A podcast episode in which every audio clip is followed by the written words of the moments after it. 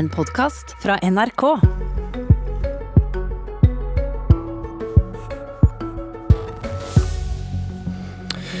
Enorme summer. 1200 milliarder kroner. Men likevel vonde kutt og brutte løfter. Nasjonal transportplan utfordrer de som vil ha makt, og de som har den nå. Og regjeringen forsøker å bremse pengeflommen. Men hvordan gjør du det når du er avhengig av han her? Jeg vil heller sitte forrest i det toget og gønne på. Ja, Fremskrittspartiet og Bård Hoksrud vil gønne på. Derfor blir det ikke noe flertall på Stortinget som står bak regjeringens langtidsplan for bygging av vei og bane, Nasjonal transportplan for 2022 til 2033. Det er klart etter at eh, transportkomiteen har avgitt sin innstilling, og alle partiene dermed har bestemt seg for hva de vil. Men du er likevel fornøyd, eh, Helge Orten fra Høyre, komitéleder. Hva er det du er fornøyd med? For det første så eh, får vi nå gjennom en, en nasjonal transportplan og får behandla den i Stortinget. som det er ganske bred tilslutning til hovedtrekka i Nasjonal transportplan og til hovedramma. Så Riktignok Frp har en helt annen ramme, etter vår oppfatning helt urealistisk ramme. Så, så det, det, på en måte er vært helt umulig egentlig å komme fram til noe sånn omforent uh, forlik på det. Men, uh, men like fullt så syns jeg at vi er et bredt flertall som slutter seg til hovedtrekka hovedramma. og Sånn sett så, så gir det en grad av stabilitet i åra som kommer. Da. Men for, for å få gjennomført denne planen, hvis regjeringen som sitter nå vil gjennomføre den, så er du avhengig av Frp som du vil fortsette å samarbeide med hvis det blir borgerlig flertall ved valget. For det følger jo ikke en krone med denne planen. Det må bevilges i statsbudsjettet år for år med Frp. Og du var inne på det. Hva er det de vil? Nei, altså De legger jo en mye høyere ramme.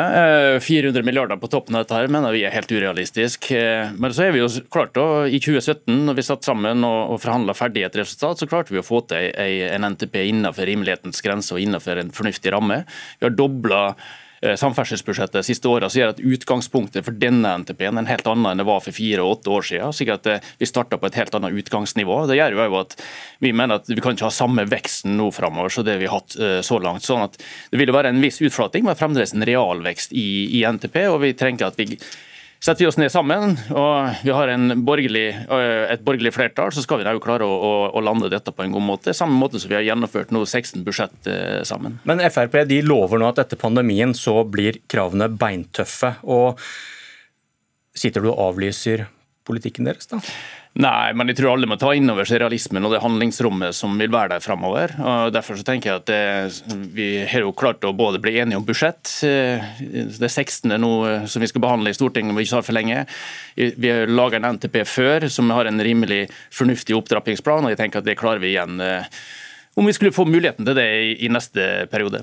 Ja, men spørsmålet Er da, er du villig til å gå utover den rammen på 1200 milliarder for å bli enig med Frp? For de krever noe annet.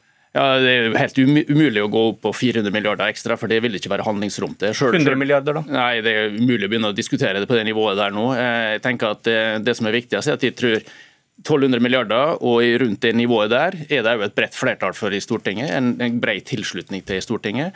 Og jeg tror at vi må ligge rundt det nivået der skal vi klare å ha en, en fornuftig opptrapping og en, en realistisk ramme framover. Men det er Frp du må søke flertall hos, selv om flertallet er der, men et annet sted. Ja, Vi jobber jo ut fra en, en, borgerlig allianse og et borgerlig flertall, og håper vi skal få til det ved neste valg. og Slik sett så er vi forberedt på å sette oss ned og, og finne en enighet også omkring samferdselsprosjekter.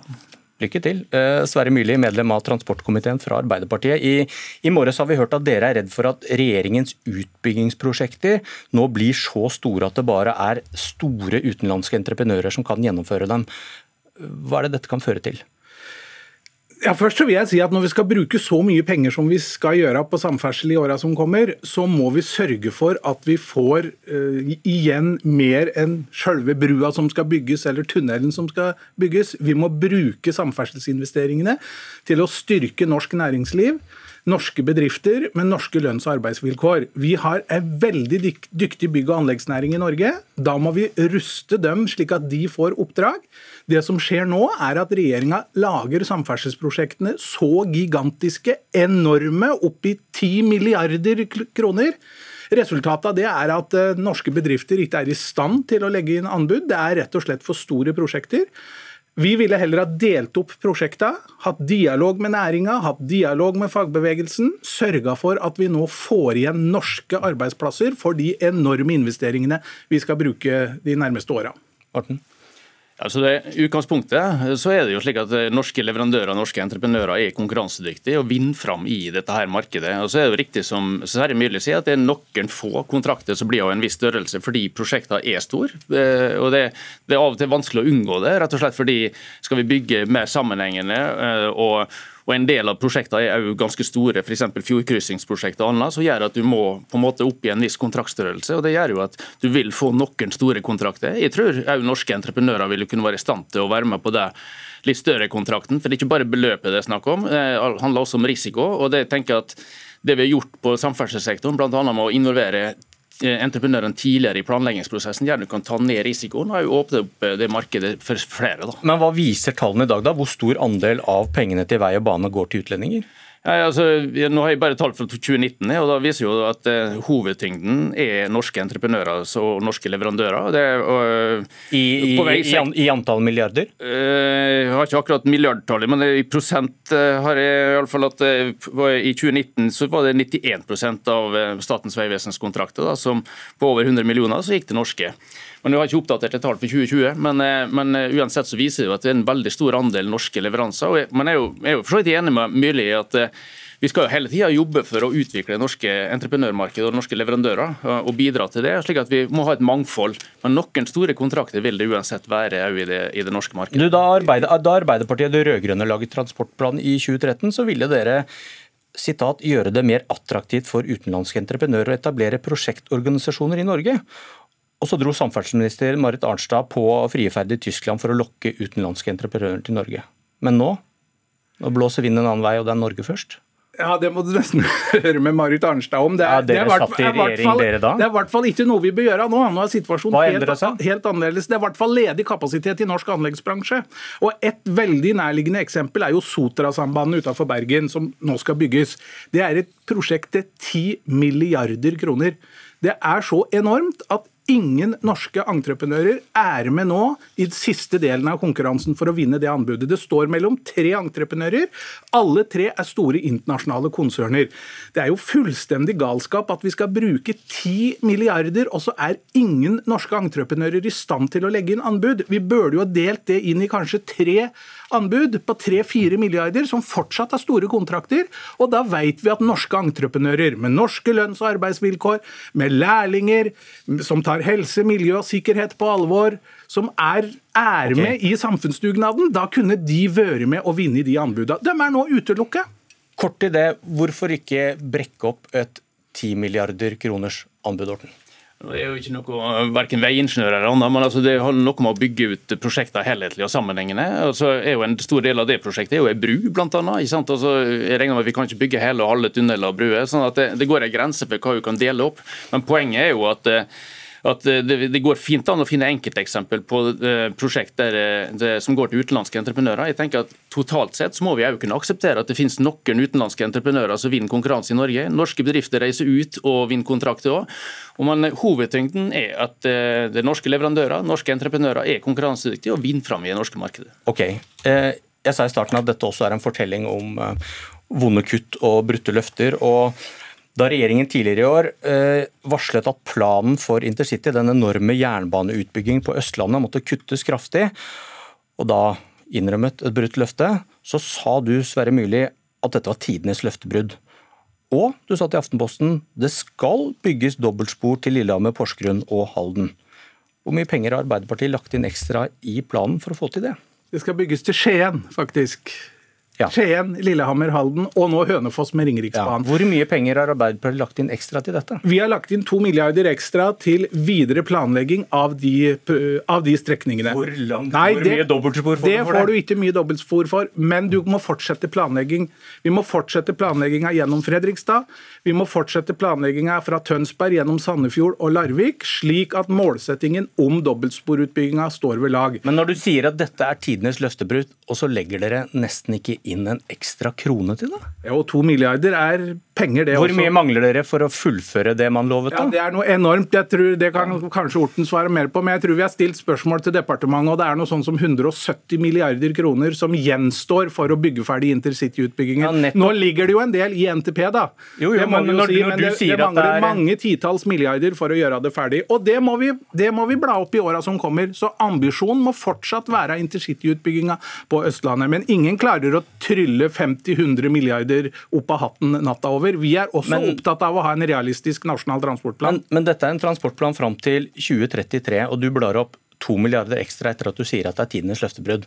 Det henger vel ikke på greip? Jo, det henger på greip, for vi skal fortsette planlegginga utover. Og så skal vi revidere planen om fire år. Og da er forhåpentligvis nye strekninger gjennom Fredrikstad, gjennom Sandefjord, Larvik, Hamar, andre steder på intercitytriangelet, som nå egentlig er blitt fire strekninger, forhåpentligvis ferdig planlagt, så vi kan fortsette utbygginga. Men du blir vel med på dette løftebruddet når du ikke legger inn penger til det du klager på? Ja, Vi legger inn mer penger til planlegging, men jeg har heller ikke masse titalls milliarder til å bygge intercity. Ja, altså, jeg tror Vi må ta realitetene inn over oss. Vi har hatt, dessverre så koster disse, disse jernbaneprosjektene veldig dyr. Eh, Det gjør at vi ikke klarer å oppfylle den ambisjonen som ligger i dagens NTP. Det har vi tatt inn over oss i, i den nåværende NTP-en. og Så legger vi vekt på tilbudsforbedringer, krysningsspor og andre ting for å få et best mulig tilbud til folk raskest mulig. Det må være viktig. Men når Sverre Myrli legger to milliarder på bordet, så blir jo ikke det noe satsing.